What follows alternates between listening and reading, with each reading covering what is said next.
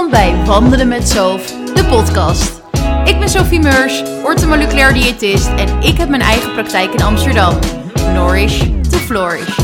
In deze praktijk hoop ik mensen bewuster te maken van gezonde voeding, waarbij het ook gezond is om zo nu en dan iets minder met je voeding bezig te zijn. Door structuur aan te bieden, hoop ik dat mensen kunnen loslaten. In deze podcast hoop ik niet alleen mijn kennis op het gebied van voeding en leefstijl met jou te kunnen delen, maar ook de kennis van onwijs gave gastsprekers. Kom in beweging, luister met mij mee en wandel erop los. Heel erg veel luisterplezier. Hallo, we hebben weer een nieuwe Wandelen met Show vandaag. En ik vind het nu al een onwijs, en ik ga niet zeggen gave gast, want dat zeg ik altijd. Gwen. En nu ben ik hem alweer kwijt, je achternaam. Oh, wat erg. Zeg het eens. André de Laporte. Wauw, wat een mooie achternaam. Ja. Waar komt het vandaan?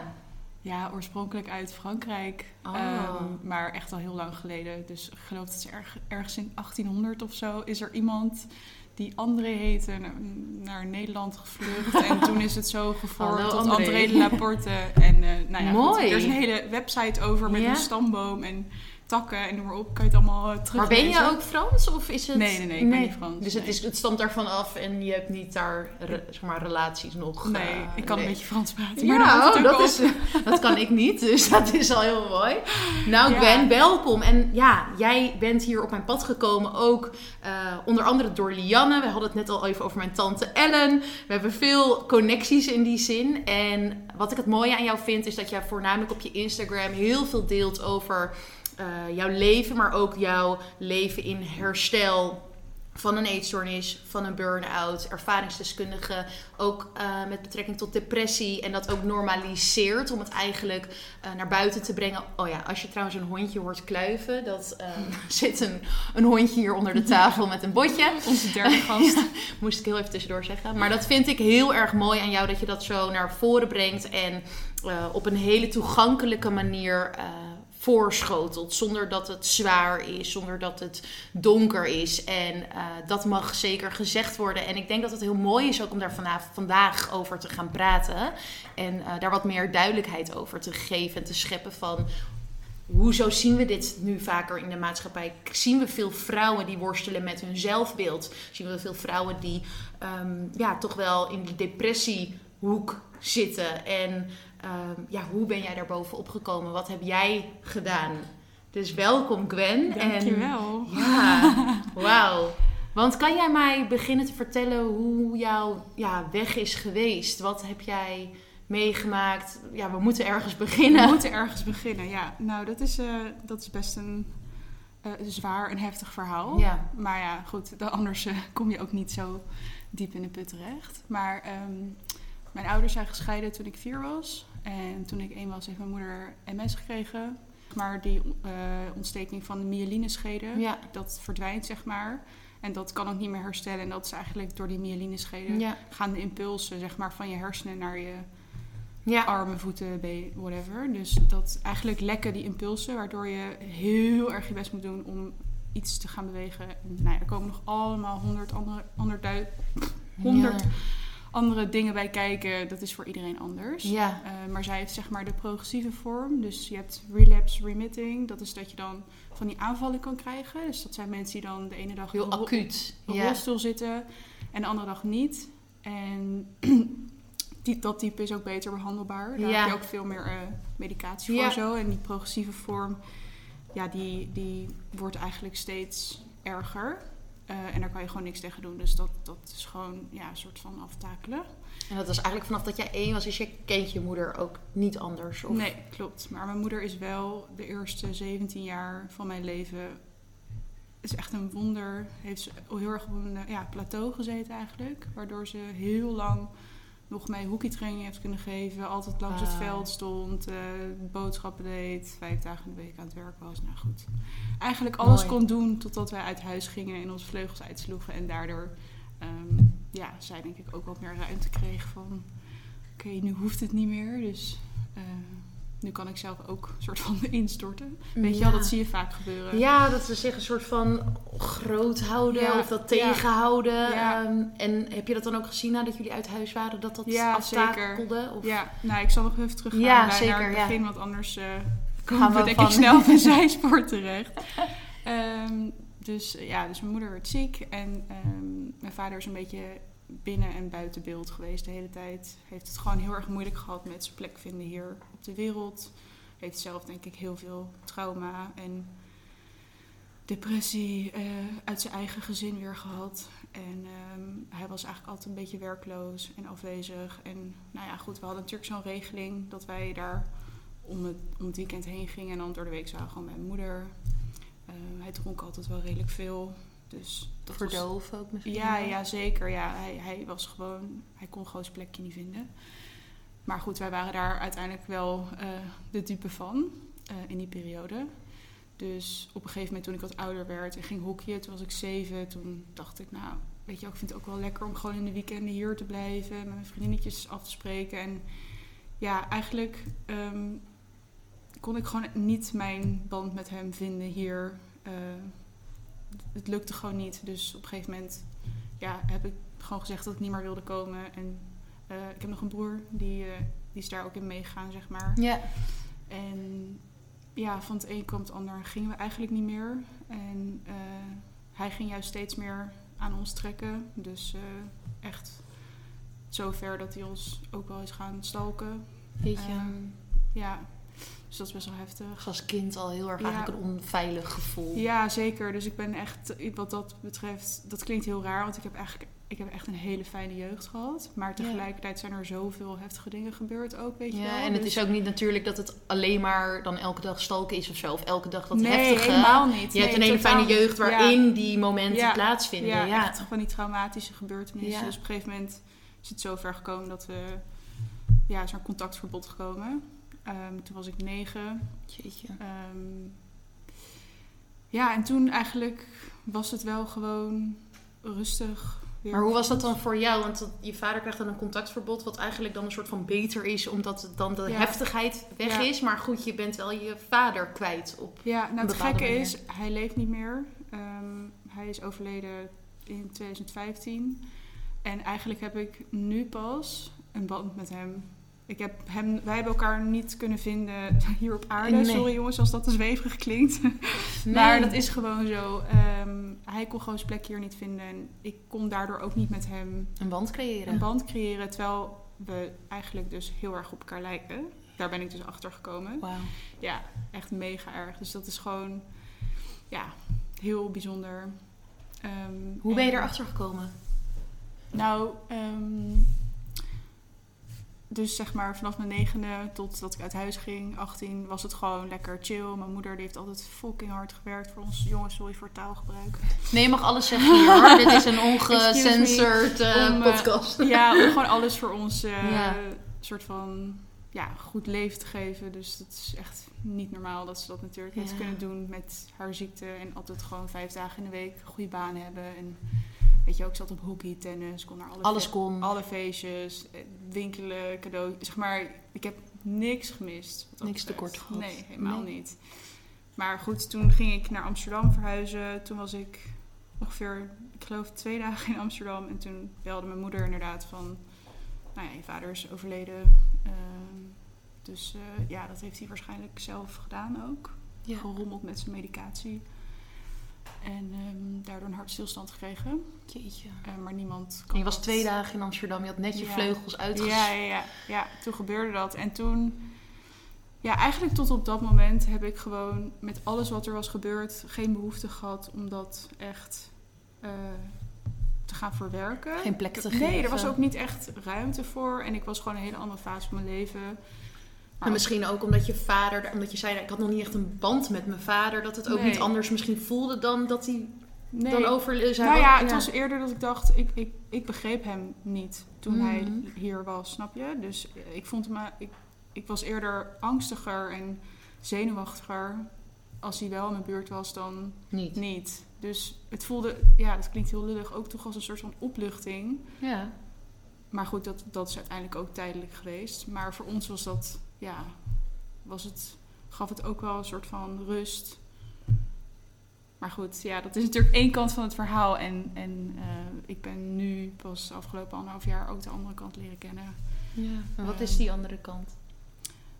Nou, het is... Ja, is. Bobby wil ook even Ja, Bobby meeluisteren. wil meeluisteren.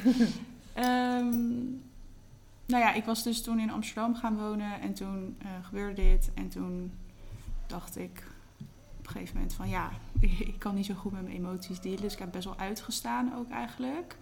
En eh, ik ben toen, ik heb altijd heel hoog gehoekied. Dus ik ben gewoon daar lekker door gaan sporten en gezond gaan eten. En ik studeerde voeding. En toen nou ja, van het een kwam het ander. Super chill controlemechanisme natuurlijk. Om heel erg... Eh, overlevingsmechanisme. ja, Ja, doorgaan. kon- ja, doorgaan. En eh, ja, langzaam maar zeker werd ik gewoon steeds dunner. En sloot ik me steeds meer af van de mensen om me heen. Maar het is gewoon echt een heel erg sluipend proces geweest. Het werd gewoon steeds een klein beetje erger. En ja, het was ook niet dat ik stopte met eten of zo, weet je wel. Het was, dat Nee, het was gewoon steeds een beetje controle Ja. krijgen over de situatie door de dingen waar je dan denkt controle Ja. over te hebben aan te pakken. Nou ja, het was achteraf gezien waren het gewoon al die trauma's en die emoties waar ik niet, waar, die eruit wilden, maar waar ik niet mee kon dealen, weet Nee. je wel. Eh, en ik had al wel echt natuurlijk vanaf, nou ja, zolang als ik me kan herinneren, wel van die momenten. Ik had altijd het gevoel dat ik nergens bij paste en ik, als ik om me heen keek naar vriendjes en vriendinnetjes. Dan dacht ik echt, huh, weet je wel, ben ik nou de enige die dit allemaal zo voelt of zo meemaakt? Ja, je voelt ook toch een soort van schaamte of zo, Ja. weet je wel. Omdat je dan het gevoel hebt dat je er niet helemaal bij hoort. Omdat het bij jou dan misschien allemaal anders is gegaan. En nu denk je toch echt, oh lieverd, wat, weet je wel, dat hoef je echt niet te Nee. doen, weet je wel. Maar dat, dat, dat voel je toch als jong meisje Ja. dan. Ik vind het ook wel grappig. Ik had vandaag dus een podcast geluisterd. En het ging ook heel erg over dat wij inderdaad afstammen van de jagers en verzamelaars. Dat als jij inderdaad in je eentje was, dan kon je niet overleven in de jungle. Maar in een groep wel. Dus het is eigenlijk vanuit ons instinct voelt het heel erg onveilig om niet in een groep te zijn. En dus alleen te zijn of afge- eh, verstoten te zijn. Ja, En terwijl we nu niet meer die, eh, dat gevaar er niet meer is. Dus wij kunnen prima functioneren alleen als individu. Ja. Alleen wij voelen zo die drang om normaal te zijn tussen aanhalingstekens. En wat is normaal? En eigenlijk tegenwoordig wat ook als gezond wordt bestempeld en als normaal wordt bestempeld, is, is dus niet altijd Nee, gezond. En nee. niet voor iedereen hetzelfde. nee, absoluut niet. Nee. Maar dat is denk ik een soort van eh, een oer... eh, Oerdrang, instinct, Ja. dat wij het gevoel moeten hebben dat we dus bij een groep moeten horen. Of inderdaad, dus als meisje dan al zo kwetsbaar zijn van hé, ik merk dus dat ik niet bij die groep pas. Ja. En daar is heel erg zelfbewust van zijn. En daardoor Ja. nog meer in, in, in, in frustratie komt met, met het gevoel wat je hebt. Ja, absoluut. En ja, als je daar niet mee overweg kan, dan ga je gewoon best wel down voelen de hele tijd. Ja. En ik denk dat het overlijden van mijn vader dat nog meer heeft aangewakkerd. Ehm, dus ja, ja, ja, op een gegeven moment werd ik natuurlijk te dun. Ja. En eh, Werd dat door iemand opgemerkt of door jezelf? ja, mezelf ook hoor. Maar ik, ik, ja, zoals ik zei, ik heb altijd veel gehoekied. Dus ik vond het best wel lekker dat ik opeens weer eh, in confectiemaat paste. Want dat had, kon ik nooit, weet je wel. Ja. Ja, dus eh, dat is dan. Het is niet dat ik het doel had of zo om dunner te worden, maar ik vond het ook niet heel erg. Terwijl tegelijkertijd, ik had het altijd koud. Ik was de hele tijd moe. Mm. Heel veel signalen dat het Ik eigenlijk wilde niet niet goed was. heel graag meer met andere mensen eten, weet je wel. Zeg maar gewoon zo steeds, ja precies, steeds erger. Op een gegeven moment hebben wel vriendinnen gezegd van het gaat nu echt niet goed. En die hebben Mm. toen ook mijn moeder gebeld, geloof ik. Dus Dat is goed, ja. Ja. En hoe werkt dat dan voor jou? Want dan eh, zijn die alarmbellen eigenlijk afgegaan en merk je dus eigenlijk dat er eh, steeds meer erop duidt dat het het niet gezonde weg is van het bewandelen van een voor jou gezond pad eigenlijk. ja, zeker. En ja, hoe, hoe draai je dat om en of hoe, hoe ga je daarmee aan de slag? Ja. Hoe ben jij daarmee aan de slag gegaan? Nou ja, op een gegeven moment dacht ik wel echt van... Ja, ik wil gewoon weer genieten, weet je wel. Ik was echt altijd de grootste levensgenieter ever, weet je wel. Heel actief, heel sportief, maar ook altijd lekker aan het eten en aan Ja. het eh, drinken. En gewoon lang leven de lol. Zeg Ja, maar eten ja. is de grootste hobby. Ja, Ja, dus op een gegeven moment dacht ik, waar is zij gebleven, weet je wel? En dan ben je zo 22 en dan kijk je om je heen en dan zie je iedereen dat lekker doen en uitgaan en zo. zeker En in ik die zit- leeftijd. en dan hè? zit je met een soort van ja, depressieve gevoelens en niemand snapt je en je denkt, huh, ik wil dat ook gewoon weer. Weet Ja, je wil er gewoon van af. Je weet ook dat het niet bij jou past. Ja, En dat het, eh, dat het ook anders kan, omdat je weet hoe je je ook kan voelen. Alleen je hebt jezelf zo een soort van gesaboteerd of zo. En dat, Zeker. ja. En op die manier ben je toen gaan zoeken? Of is dat, nou, toen ben ik dus bij Lian terechtgekomen. ja, die ook hier in de Eh, podcast is geweest? Ja, ja, waar ik eh, drie weken geleden ook in de podcast Ja. was. Super toevallig. Om een soort van driehoek Ja, verhouding. Ja, zonder ook het te weten van elkaar. Ja, dus zeker. wel mooi hoe dat dan samenkomt. Ehm, helemaal meant to be. Ja. Eh, ja, toen ben ik naar haar toe gegaan. En toen, toen zei ze dat ik mijn hardloopschoenen moest gaan verstoppen. En toen heb ik dat gedaan, want ik liep heel veel hard. Ehm, echt letterlijk wegrennen van mijn problemen. ja.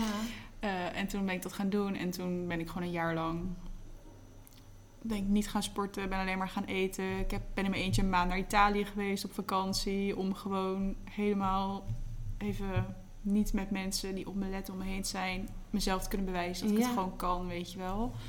Eh, en toen nog een paar maanden in Azië. En toen nog een paar maanden op Bonaire met mijn vriend. En, eh, En hoe, maar hoe was dat dan? Want ja, dan lijkt me inderdaad van, oh, dan doe ik die hardloopschoenen weg en ik ga meer eten. Maar dat klinkt zo heel ja, makkelijk. Zo van, dat doe ik dus gewoon en dan ga ik meer eten en dan komt het wel goed. Ja. Maar uit ervaring weet ik natuurlijk ja, dat het nee, een heel proces is. En dat, dat het is heel veel weerstand is. Ja, En- er is onwijs veel weerstand. En ja, er is gewoon elke keer als er iets dus niet goed ging, dan komt dat gevoel weer omhoog van, oh, dan ga ik de controle daarin zoeken. En ik denk, als je op een gegeven moment bewust van bent dat dat gewoon je mechanisme je is. mechanisme is. Ik ging op een gegeven moment gewoon elke keer als ik dat gevoel had, precies het tegenovergestelde doen. Dus weet je wel, van oh, dan had je een relaxe dag gehad of iets ging niet goed. eh, noem maar op, werkdag was gewoon Even, kloten. ja. Ja. dat je dan denkt, oh nou, dan ga ik gewoon even heel gezond eten, op tijd naar bed, morgen sporten en dan komt het allemaal weer helemaal goed. Terwijl misschien Je op dat moment gewoon een glas wijn nodig ja, had. precies. Dus ging gewoon uit eten, glas wijn, pizza. Ja. Weet je wel, gewoon elke keer zeg maar Ja. daar, daar tegenin gaan. Ja, ja. Ja, en op- Maar is dat ook dan niet soms dat je denkt van... pff, maar ja, weet je, van- van- moeilijk te eh, onderscheiden al- in de zin van... Kijk, ik heb nu wel het gevoel dat als ik soms me eh, kut voel of moe voel... Ja. dat ik dan bijvoorbeeld kan kiezen voor wel eh, even sporten, gezond Ja. eten. En dan Ja. denk van, oh, dit had ik even nodig. Maar ook de andere keer gewoon de wijn en de pizza. En dan denk ik, hé, hey, dat heb ik even nodig. En op dat moment is het misschien ook weer een bepaalde manier forceren van hè, wijn en pizza of zo. Dat je... Dat je die, die hoek indrukt, terwijl je er misschien niet altijd maar even goed bij voelt. Hoe... ja, nou ik denk wel als je in zo'n stoornis zit, zoals Ja. ik had, orth- orthorexia, dat het heel belangrijk is om in het begin dat wel echt elke keer te doen. Mm, Want om even dat, dat- de andere kant te benadrukken. Ja. omdat je daar heb je gewoon denk ik echt even behoefte aan. En op een gegeven moment ben ik mezelf gewoon de vraag gaan stellen: wil ik dit of moet ik dit? En eigenlijk is dat gewoon de essentie. Ja. van hoe je erop moet reageren. Maar als je daar nog in zit, dan is het heel. Dan kan je jezelf zo om de tuin leiden, weet je ja, wel. precies. Dan is Dus- het ook heel snel Ja, een maskertje Dus het- van... De vraag is echt of je eerlijk kan luisteren naar dat gevoel van wil ik dit of moet ik dit? Belangrijk, Ja. hè? Ja. Ja, En dat wil ik dit of moet ik dit. Ik zie zoveel vrouwen hier in de praktijk van ik moet dit of ik moet dat. En ze zeggen nog niet moeten, maar doen het wel. Rowcycle, hitklasjes, wandelen, 10.000 stappen per dag. Alle oh. supplementen moeten komen. Dit en dat. Hoe kan ik het beter doen? En eigenlijk is mijn advies altijd stressreductie is gewoon nummer één gezondheidstip. Om je lekker in je vel te voelen. En dan maakt het me echt niet zo heel erg veel uit hoe je dat allemaal voor elkaar krijgt. nee, Het is zo belangrijk. dat is echt het allerbelangrijkste. En ja, als je daarin zit, dan is sporten een hele grote stressfactor. Dat helpt niet met ontspannen, weet je Nee. Want je lichaam heeft geen reserves meer. En je hoeft ook niet super, super, super dun te zijn om dit te hebben. Kijk, ik was wel, ik was wel dun. Ja. Maar dan zeiden mensen gewoon, oh, je bent echt je bent gewoon dun, weet je wel. Maar ik was niet mager. Nee, Maar precies. voor de mensen die mij, hebben, die mij kenden, die, voor hun was ik dat wel natuurlijk, ja, weet je wel. Ja, ja. Dus het is ook wat dat betreft ja, echt een beetje een sluipmoordenaar, vind ik Mhm. altijd. Want ik, ik ken zo, ik heb ook echt veel vriendinnen die allemaal wel een soort struggle hebben gehad hiermee, weet je wel. En die zijn allemaal niet, eh, hebben allemaal niet heftig ondergewicht gehad, maar die hebben wel die verstoorde, eh, voeding is gewoon best wel snel een, eh, en zeker denk ik ook onder vrouwen, hè, een dingetje van hey, dat, daar kan je makkelijk controle over Ja. hebben. Wat je in je mond stopt, heb je controle over. Dus laten we dat maar aanpakken. Ja, ja zeker. En ook gezien de social media en dergelijke, die ook een bepaald voorbeeld geven van, oh, eh, eh, van hé, ik zie die, die, dit doen. Oh ja, dat moet ik ook gaan doen, want dat is gezond en dat is goed. En eh, Ja. dat, dat is ook lastig. Kan dat me- is echt ja, mega lastig. Ik vind het hier in Amsterdam ook wel echt een stuk erger. Ja. Ik heb daar ook wel een tijdje echt last van gehad dat ik echt niet naar van die spinlessen ging of klasjes of zo, weet je wel. Ik, ik ben zelf begonnen bij yoga weer om gewoon letten toen dat ik dacht, wow, het is mijn lichaam een bijzonder iets, weet je wel. een beetje je te eren ook. respect krijgt gewoon Ja. voor je lichaam. Ehm, maar die, die heftige, intensieve les, ik kon dat, dat, daar kon ik ook gewoon echt even niet mee overweg. Nee. Heel lang. Nee.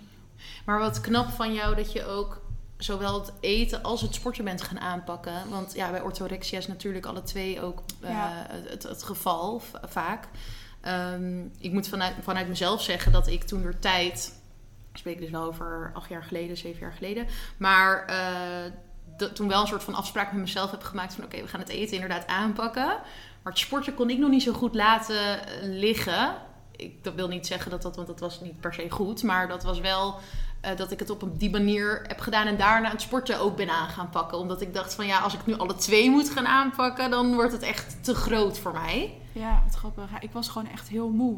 Dus ik kon ja, eigenlijk ook gewoon nee, echt niet meer. Dat was gewoon al echt wel heel erg ver in die Ik- zin. ja, eigenlijk wel. Ja, ik, Ja. Kon, ik was echt kapot. Ja, ja, het is natuurlijk ook geen one size fits all Nee, eh, hoe je niet, eh, nee. herstelt van een eetstoornis of ja, een depressie. Nee. Maar mooi dat je dat zo alle twee zo goed hebt kunnen aanpakken. Ja. Ja, het heeft uiteindelijk dus best wel lang geduurd. En ik was bij Lian in de podcast. En toen kwam ik er dus achter dat... We hadden het daarover. En toen zei ze dus vaak als je dus weer gaat eten en je komt aan... dan komen ook natuurlijk al je emoties erbij. Dat heb ik ook gehad. Dat is best wel heftig. Opeens komt alles binnen, zeg maar. Eh, maar als je daarvan dat stukje bent geheeld... dan komt vaak dus het echte trauma werk naar boven. En bij mij nam dat dus een vorm van een burn-out aan. Maar het is dus echt... Het komt dus best wel veel voor. Dat, want ja, orthorexia is eigenlijk een symptoom van wat eronder zit, weet je wel. Dus alles wat er is gebeurd waar je niet mee dealt. Dus ja, je kan dat wel aanpakken, maar dan ben je nog steeds niet bij de root van het probleem, nee, weet precies. je wel. Dus ja. toen ik dat op een gegeven moment dat klaar was, dat was ongeveer, nou, ik denk halverwege 2019, dat het wel helemaal een soort van ja. dat ik het echt had losgelaten. En toen ging ik een paar maanden met mijn vriend naar Bonaire. En toen, ehm, toen merkte ik dat ik daar dus opeens een benauwd werd en zo, weet je wel. Terwijl er was helemaal, ja, paniekerig, angstig. En toen dacht ik echt, "Huh, wat is dit nou? Ik heb zo'n chill jaar achter de rug. Ben naar Italië geweest, ben in Azië geweest. Mag niet zeuren. Chill Ik heb alleen maar relaxed Ik heb gedaan. echt letterlijk zo'n chill leven. Ik ben echt de hele wereld over geweest voor mijn gevoel. Waar komt dit nou vandaan? Toen dacht ik, nou, misschien zit ik wel verkeerd, weet je wel. Want dat was ook Ja, met hele dat het stoelen. Ja, dat zo, het ja, ja. veel zo zat. Dat ik daardoor helemaal, Ja. zeg maar, benauwd was. Maar ja, daar is het ook gewoon lang leven de lol. Dus iedere dag om zes uur trek je een biertje open. Ga je naar de zonsondergang kijken. En dan, nou ja, gaat de dag alweer voorbij, weet je wel. Vet chill, maar goed. Je komt niet echt heel erg in, eh, in diepgang met jezelf. Dus toen kwam ik thuis. En dat was, nou, ik denk ongeveer twee weken voordat COVID uitbrak. Ja. En toen nou ja, had ik geen afleiding meer. En toen merkte ik opeens dat ik zoveel, na een half jaar lang, zoveel rare symptomen kreeg. Heel veel duizelig, misselijk. Ik was helemaal apathisch, zeg maar. Ja, ik heb het ook wel bij Lian verteld in de podcast. Ik zag een ongeluk gebeuren voor mijn neus. En het kwam gewoon niet binnen, weet je wel. Dat ik echt zat van, wat is dit? Ik begon helemaal te... Als ik op straat stond, het helemaal, Helemaal te, te trillen trillen. opeens, weet je wel. En nou ja, echt gewoon niet normaal. En ik heb het gewoon heel lang tegen niemand gezegd. Want ik dacht, ah joh, weet je wel, het gaat Komt misschien gewoon goed, even- ja. Ja, want dat, dat was mijn hele leven natuurlijk al zo. Ik dacht, nou ja, het gaat een beetje in vlagen. Ja. Op een gegeven moment zakte het wel weer. Maar ja, het zakte natuurlijk omdat ik ging reizen. Omdat ik heel veel ging sporten. En eh, weet je, ook, ik was al heel veel uitging. Ik heb zo vaak van die... Weet je wel, dat je zelf maar blijft afleiden Ja. van wat, er eigenlijk is. Ja. Maar dat kon natuurlijk toen niet meer. En toen dacht ik... Ik weet nog dat ik tegen een vriendje had verteld... wat er soort van gebeurde.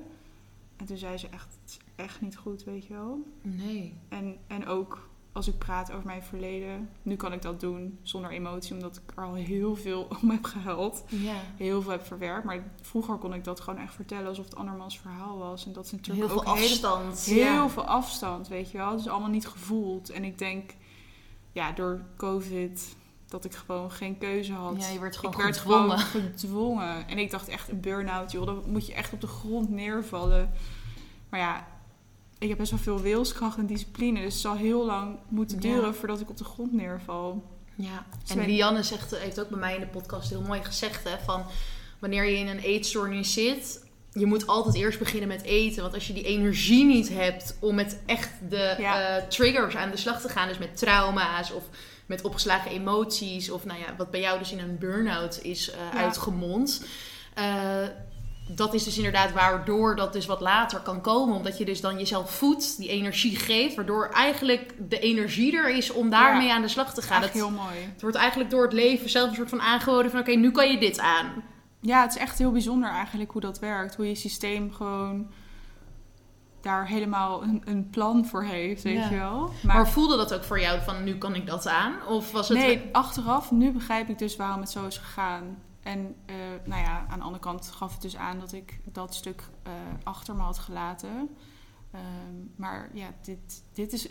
Ja, het heeft wel even geduurd voordat ik... eh, daar oké mee was. ja, enorm. Ja, ik moest, ik ben in psychotherapie gegaan. Ik heb EMDR gehad. Ik Ja. heb eh, regressietherapie gehad. eh, nou ja, echt familiesystemen. Alles wat je maar kan verzinnen. Eh, ik moest echt van de een op de andere dag stoppen met werken ook. Ja. En mijn werkgever opbellen en zeggen... Ik heb een burn-out. Mag niet meer werken. Ja. Toen moest ik mijn therapeut opbellen om te zeggen dat ik dat echt had gedaan. Ja. Waarschijnlijk omdat ze vermoeden dat ik dat anders misschien Niet, niet zo snel zou doen. Nee. Nee, dus toen moest ik gewoon mijn hele leven on hold zetten en daarmee aan de slag gaan. Ja. En hoe ging, ga je daar dan mee aan de slag? Want dat is natuurlijk... Ik heb vanuit de orthomoleculaire voedingsleer geleerd... dat natuurlijk er zijn meerdere soorten burn-out. Je hebt een Ja. dopaminerge, een serotoniner, serotoninerge, jeetje mijn woorden, eh, burn-out. Dus dat heeft te maken met waar je een tekort aan neurotransmitters hebt eigenlijk. En in welke persoon je ook bent. Hè? Dus hoe je daarop reageert. En dat je bijvoorbeeld bij de ene burn-out juist heel goed is om te bewegen. Bij de andere burn-out juist heel goed is om te rusten. Dus hoe Ja. heb jij dat gedaan? Ehm, nou, ik heb niet echt dagen op de bank gezeten. Of zeg maar maanden. Ik ben er wel echt tien maanden uit geweest. Ik ben wel nog iedere dag gaan wandelen en zo. Dus ik weet niet hoe dat dan zit in jouw wereld. Maar Ja. ik had dat wel echt nodig. En ik Ja. had natuurlijk ook een hond. Dus ik moest wel naar buiten. Ja. Ja, ik ben gewoon...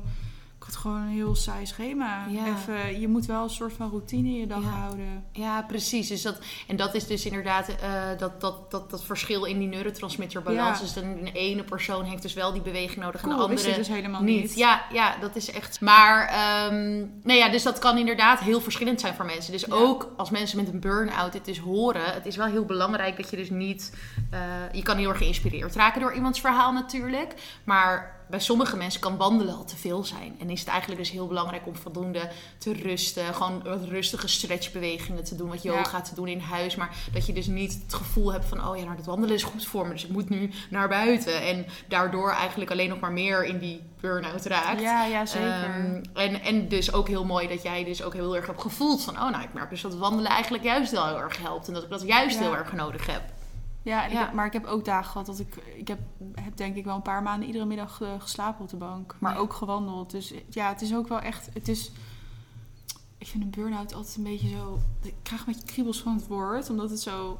Ik weet niet, het, wordt, zo'n stempel die op je wordt gedrukt. En het Ja. is echt zo anders voor iedereen, weet je wel. Het is een beetje de, eh, inderdaad meer het hokje of zo... Ja, waarvoor het nu wordt gebruikt. Ja, precies. Om, eh, weet ik veel, een uitkering te krijgen of zo. Ja. Dat soort dingen. Maar ik heb gewoon niet het gevoel dat je daarmee echt kan aangeven wat er is. Maar het is ook, dat is zo persoonlijk. Dus ik geloof wel echt dat het een kwestie is van... Je bent volledig je grenzen overgegaan. En nu moet je daar weer aan overgeven, zeg maar. Aan alles wat er nu gevoeld moet worden. Dat is het ook. Gewoon elke Mhm. keer opnieuw overgeven. Overgeven. Ja. En dat heeft bij jou ongeveer tien maanden geduurd? Eh, ja. Ja. En toen heb ik heel even een break gehad. Ik had even wat tijd voor integratie en lol Ja. nodig weer in mijn leven. Want ging je weer bij, jezelf, bij dezelfde werkgever aan de Ja, slag? ben ik wel weer begonnen. En toen...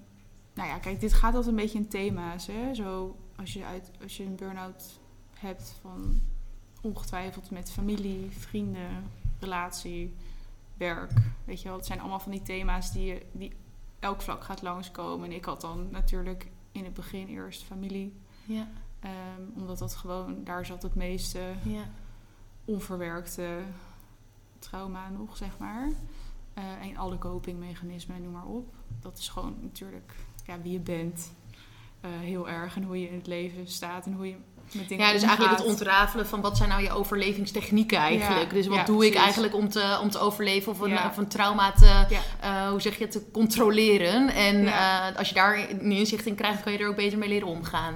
Absoluut, Ja. ja. En toen kwam werk ook nog Ja. natuurlijk aan de beurt. Dus daar heb ik afgelopen september, vlak voordat ik naar jouw tante toe ging, Ja. heb ik eh, toen gezegd dat ik niet meer verder wilde daar. Omdat het gewoon Toch niet zo goed bij jou past. Nou, nee, het hielp me te veel in een systeem waar ik dus niet meer in hoefde te zitten. Dat Nee. overlevingsmechanisme en te veel binnen de kaders, toch.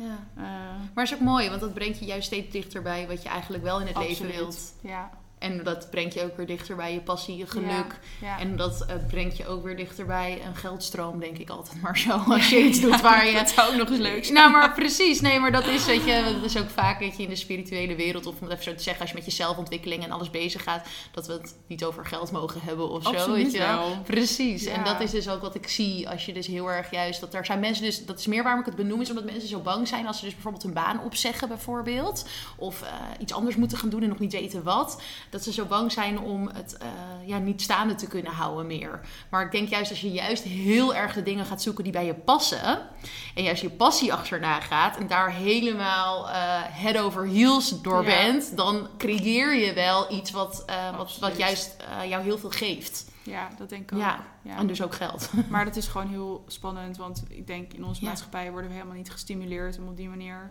onszelf te ontwikkelen, weet je wel. We moeten allemaal gewoon hetzelfde Ja, pad bewandelen. wordt heel erg gekeken naar een dezelfde middel wat je- stops, ja. weet je wel. Ja. En het is gewoon, ja, ik, mijn maag draait ervan om. Ik vind het zo erg. ja, ja. Dat is dus, om nog even terug te komen op die vraag, dat we zoveel vrouwen, maar ook mannen hoor, zien struggelen, zeg maar, met depressie, burn-out. Ja, er is gewoon totaal geen ruimte voor zelfontwikkeling. Het wordt gewoon niet aangemoedigd. Vind Nou, het wordt hoor. sowieso niet aangemoedigd in de jeugd. Of in, hoe zeg je dat, in Ja. de eh, educatie. Mhm. Het wordt ook niet gestimuleerd vanuit, eh, zeker in Amsterdam, alle mogelijkheden die er zijn. Ja. Wat heel mooi is overigens. Maar er wordt niet verteld hoe we met die mogelijkheden om kunnen gaan. Eh, Er wordt geen coaching in gegeven. Ehm, en ik denk heel erg, weet je, zeg maar vroeger, dat, dat denk ik dan, dan was het heel erg van.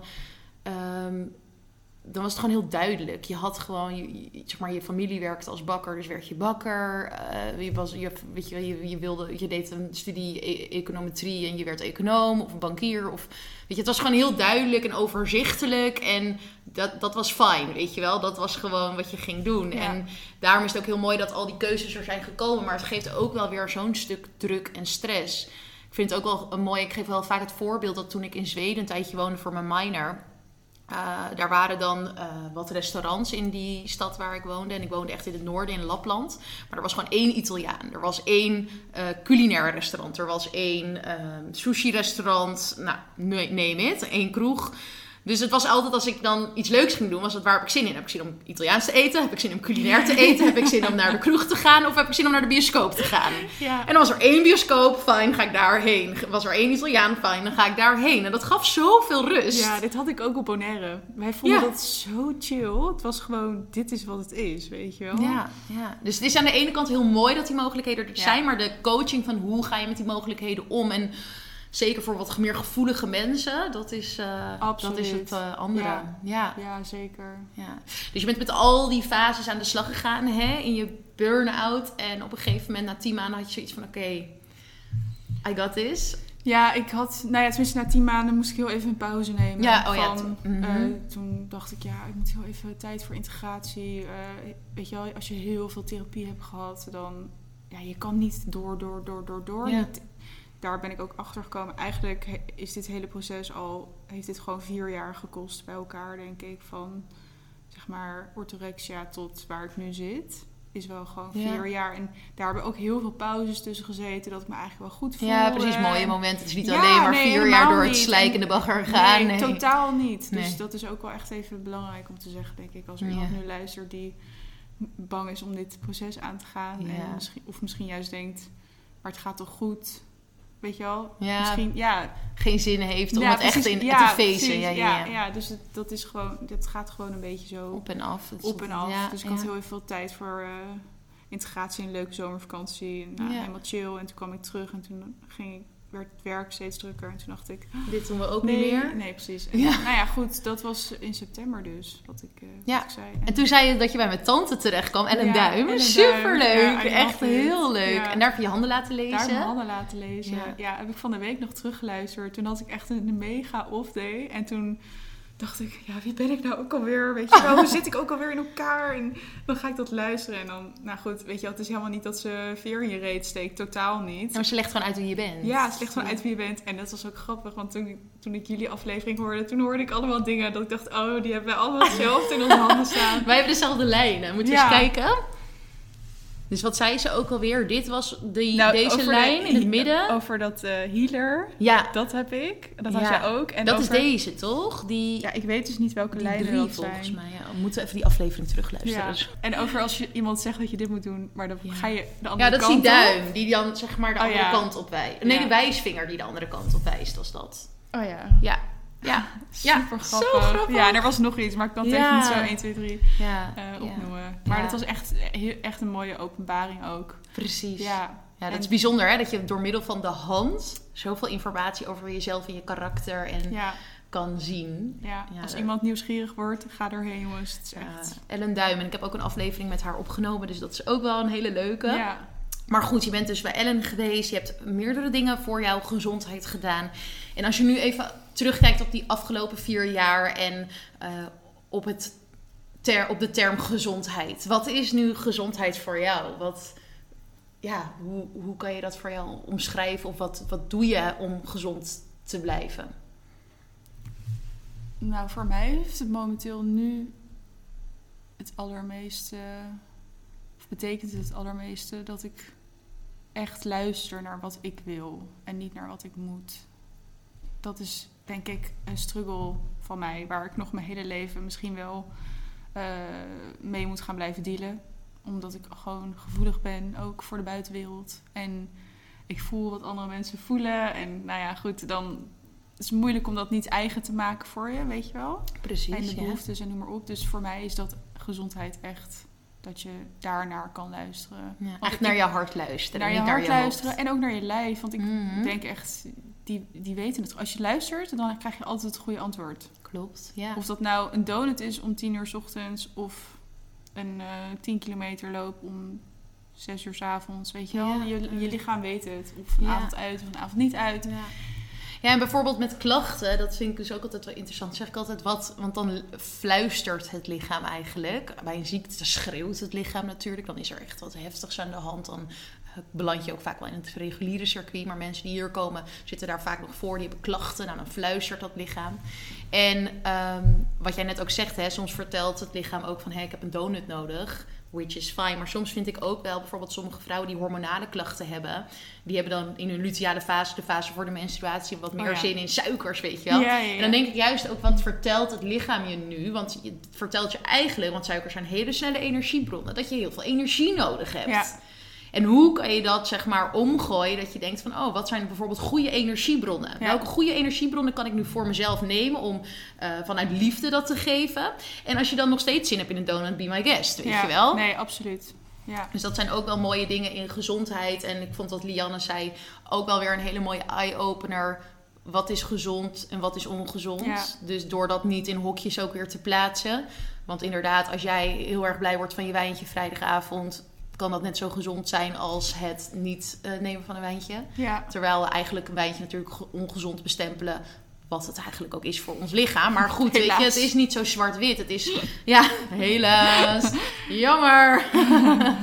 maar goed, dus dat is, dat is wel weer een mooie benadering. Weet je, ik denk dat als we al die werelden een beetje zo bij elkaar voegen. Dus met de kennis van hè, de fysiologie van het lichaam, hoe werkt dat? En dus heel erg, weet je wel, van hoe kunnen we op mentaal vlak onze gezondheid ondersteunen. En ehm, zeker bij vrouwen eh, die dit horen en last hebben van eh, orthorexia, anorexia, eetstoornissen, burn-out, die al zoveel moeten van zichzelf, is het juist zo mooi om een keer niet eens alles te moeten en juist te kijken wat je voelt en wil en nodig hebt. En dat kan dan heel erg goed die donut zijn. Absoluut. Ja. Ja. Ja, dat is ook wel echt hoe ik hieruit ben gekomen Ja. op een gegeven moment. Dus dat wat Lian ook zei van sowieso alle regels rondom voeding even laten varen. Ehm, omdat ik had nog best wel lang, ik dacht, nou, ik wil helemaal plantaardig eten. Heb ik ook heel lang gedaan. Nou, omdat je anders zo in die vicieuze cirkel blijft. ja, ook, je hè? blijft regeltjes houden. En, en ik voelde gewoon op een gegeven moment, ja, sorry, mijn lichaam wil gewoon een stuk kipfilet eten, weet je wel. En ik, ik, ik negeerde het maar, ik negeerde het maar, ik negeerde het maar. En toen ging ik dat dus af te doen. Toen kreeg ik ook weer meer energie. En Ja. ja, dat, het is gewoon, denk ik, het Terwijl dat beetje- slecht voelt in jouw hoofd. Terwijl Ja. het eigenlijk helemaal niet slecht is. Omdat, Maar je hebt jezelf een regel opgelegd. Ja, Ja, en dat is zeg maar het moeilijke, wat je ook zegt. Het is een beetje de dans tussen eh, het mentale en wat ook daadwerkelijk, wat je echt, echt nodig hebt. Fysiek, Ja, weet je wel. ja. Eh, dus inderdaad, soms... Maar ja, daar kan je alleen maar een link tussen leggen als je...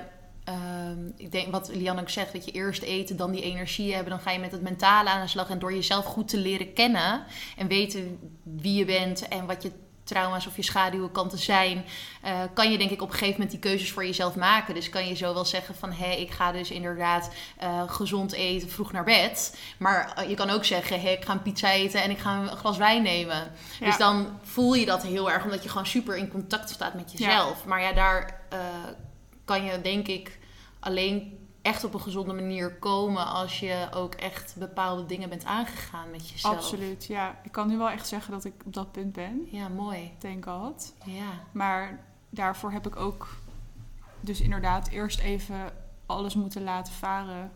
En het daarvoor dus juist totaal de andere kant Ja. op gedaan. En nu, nu zit ik eindelijk in een soort van balans. Mooi. Ja. Ja. Hey, ik was nog even benieuwd, hè? Want Ja. jij hebt vorige maand een maand geen koffie gedronken. Oh, dat zag ik. Oh. Dus ik ben even benieuwd, want ik heb het laatst in januari ook gedaan. Ik ben, mijn conclusie was dat ik veel te veel van koffie hou om het te laten staan. En dus ook een bewuste keuze maak om dat dus wel in mijn eh, dag te implementeren op mijn manier hoe het goed voor mij voelt. Hoe heb jij dat ervaren, een maand geen koffie? Ik eh, ben gesneuveld in de derde week. Hey! of in de vierde week. En eh, dat kwam... Nee, oké. ik, Vierde week het is een ging- maand. Ja, ja, zeg maar drieënhalf. Ik was echt super goed bezig. En ik vond het ook heel chill. Ehm, want ik was ook aan het microdosen. Oh ja, Met, met eh, truffeltjes. met, eh, nee, met Capi deze keer. Ja. Ik heb ook al een keer met psilocybine gedaan in september. Ja.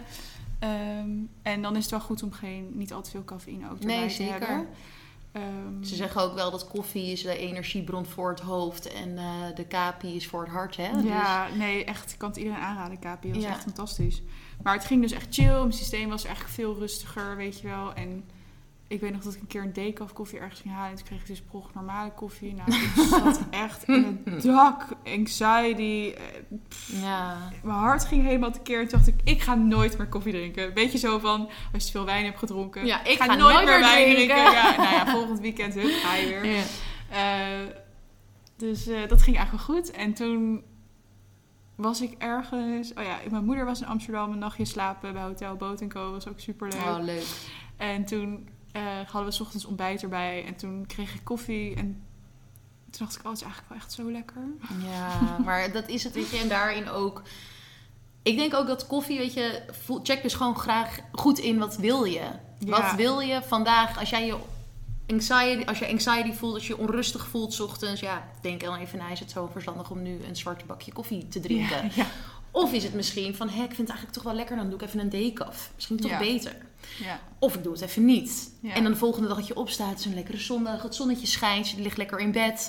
Dan denk je, Ja. oh, dat kopje koffie, je Ja. lekker rustig. En dan is Of het lekker halen ergens. Precies, Oh, maar daar kan je dan heerlijk van genieten. En dan is het net zo gezond als het niet doen wanneer het je niks oplevert. Ja. Nou, Ja. Ik vond het wel echt heel chill, moet ik zeggen. Ja. Ik merkte wel echt dat mijn lichaam veel rustiger was. Ja, ja, je kan er gewoon ook veel uithalen door gewoon dit soort challenges met jezelf aan te gaan. Maar vanuit liefde, dus niet vanuit angst van... oh, ik mag geen koffie meer en ik ga Nee. mezelf nu opleggen dat ik een maand Nee, geen koffie nee, meer nee, wacht. Dus eigenlijk ook heel mooi dat je na 3,5 week zat van... nou, ik vind hem wel even mooi geweest. Ja, nou, ik moest wel echt even denken, de strijder in mij met heel veel discipline, die dacht wel echt, nou, ik weet niet, jezus, Ja. kan, kan je dit niet eens even een maand volhouden? Ja. Daar ging ik al, en toen dacht Ja. ik, boeien, Maar dit is dus precies waar het Ja. over gaat. Ja. Dat Ja. inderdaad, dat, dat je het gevoel hebt dat je faalt als je iets... als je een regel oplegt en Ja. het dus niet doet.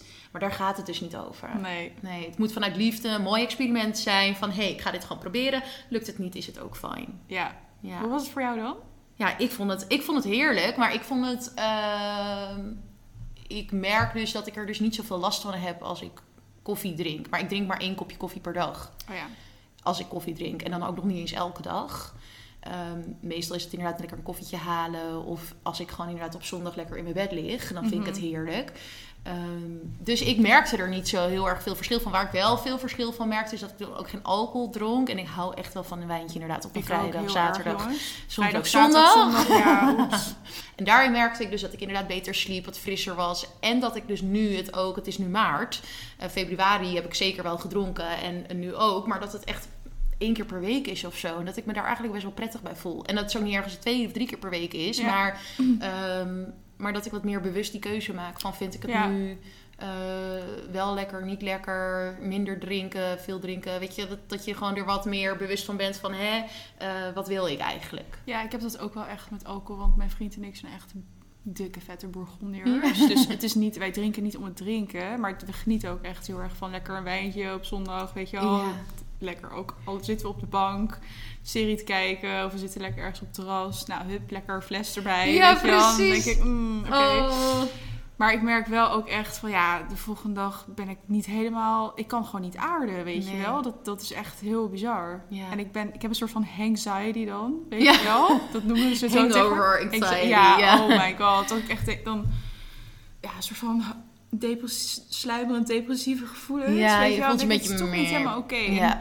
Volgens mij, ik ben er zelf een beetje op gaan letten. Maar als je dus bijvoorbeeld, als je je slecht voelt en dan denkt, ik heb een rotdag gehad, ik moet even een glas wijn hebben, dan kan die dus ook heel anders binnenkomen dan, ik ben Yes. zo gelukkig, Ja, ja. laten we even lekker proosten, weet je wel. Ja. Daar merk ik zelf wel, dus wel ook echt verschil in. Zeker. Maar goed, Zeker. het is zo makkelijk als je een vet lange klote dag hebt gehad om even lekker ergens dus een pizza te eten en een wijntje te drinken. Maar dat moeten we. Ja, en dat is gewoon ook weer van, hè, eh, daarom zijn dit soort experimenten en challenges, denk ik ook wel gewoon, challenge vind ik trouwens echt een stom woord, Ja, maar ook. gewoon experience, eh, Experience. vind ik, ja, vind ik, zat, ik hoorde het mezelf zeggen, ik dacht, nee, ik vind het eigenlijk helemaal niet zo leuk klinken. Klinkt Eh, als te veel moeten weer. Ja, precies, hè, dat challenge. Nee, nee, we skippen die uit de podcast, maar ehm, dat, daardoor kom je er ook achter wat past bij mij. En dat is hetzelfde met wat ik mensen hier wil meegeven in de praktijk van hè, een voedingspatroon. Het hoeft niet te zijn dat als ik jou een, een advies geef, dat het bij jou past. Maar ga eens kijken van hè, als ik dit ga doen, past het bij mij? Als ik dit adaptogeen neem, past het bij mij? Als ik, Ja. want, want neem jij zelf supplementen of niet? Ja, nu wel. Dus eh, vitamine D3 met K2 Mooi, in ja. druppels. Magnesium. Bisglycinaat. Ja, Ja, kan niet zo goed Nee, maakt niet uitspreken. Omega 3 Ja, en vitamine C. En ik moet dus even zink hebben, omdat ik Ja. nu dus een koperspiraal heb sinds Ja. vorige week donderdag. ja. In plaats van Mirena. Dus na. 12 jaar heb ik geen hormonen meer. Wauw. Ben benieuwd. Ik ook. Ik ben heel benieuwd. Ik ook, heel erg. Daar kunnen we eventueel, ik zeg nu steeds tegen alle gasten die in de podcast komen, daar gaan we nog een podcast over opnemen. Maar misschien kunnen we daar nog een keer een podcast over opnemen. ik Jij denk met je temperaturen, hè? Precies. Nou, het is dus echt, ik ga nog één anekdote vertellen en dan denk ik dat we de podcast gaan afsluiten. Ehm, ik heb mijn Daisy in een vaas laten vallen Nee. met water. Ja, jongens, dit is echt... Ik heb hem twee dagen gehad. Ik was zo enthousiast. Ik had zoveel zin om nog beter mijn cyclus te tracken. En ik maak een foto voor Instagram hier met die beruchte vaas hier die hiernaast Nee. staat. En ik laat hem in de vaas vallen. Oh. Maar eh, de lieve Shit. Patricia Dijkema van Daisy heeft hem gerepareerd. En hij ligt nu bij de... Ja, ja, ja. Ik heb hem kunnen terugsturen en die heeft hem echt heel lief kunnen repareren. En hij ligt nu bij de DHL. Dus ik ga hem straks ophalen. dan ga ik weer door. Dus ik kan er helaas niet meer, nog niet zo heel erg veel over vertellen. Maar ja, get to know me. Ik ben een beetje lomp. Het gaat allemaal via hobbels en uh, gedoe. Maar uiteindelijk komen we er wel. Dus ik, uh, wie weet dus een volgende podcast over anticonceptie. over hoe jouw koperspiraalavontuur is. En uh, mijn basic verhaal. Ja, who knows. Yes. Nou, lieve mensen. Ik wil Gwen heel erg bedanken. Dankjewel Gwen dat je hier vandaag Geen was. Dank. Voor jouw bijzondere en dappere, moedige verhaal. Om het hier zo open te vertellen. Lief van je. En het vertrouwen aan uh, ons te geven om het uh, te mogen luisteren. En, ja, uh, zeker. Ja, nou, we gaan van je horen. Ja, zeker. Yes. Jongens, jullie kunnen me volgen. Dus, ja, want wat is jouw Instagram? Mijn Gouden Gids heet het. Ja, het is echt een heel mooi account om te volgen. Dus ik kan het echt aanraden om bij te volgen. nou, lieve mensen, wandel ze!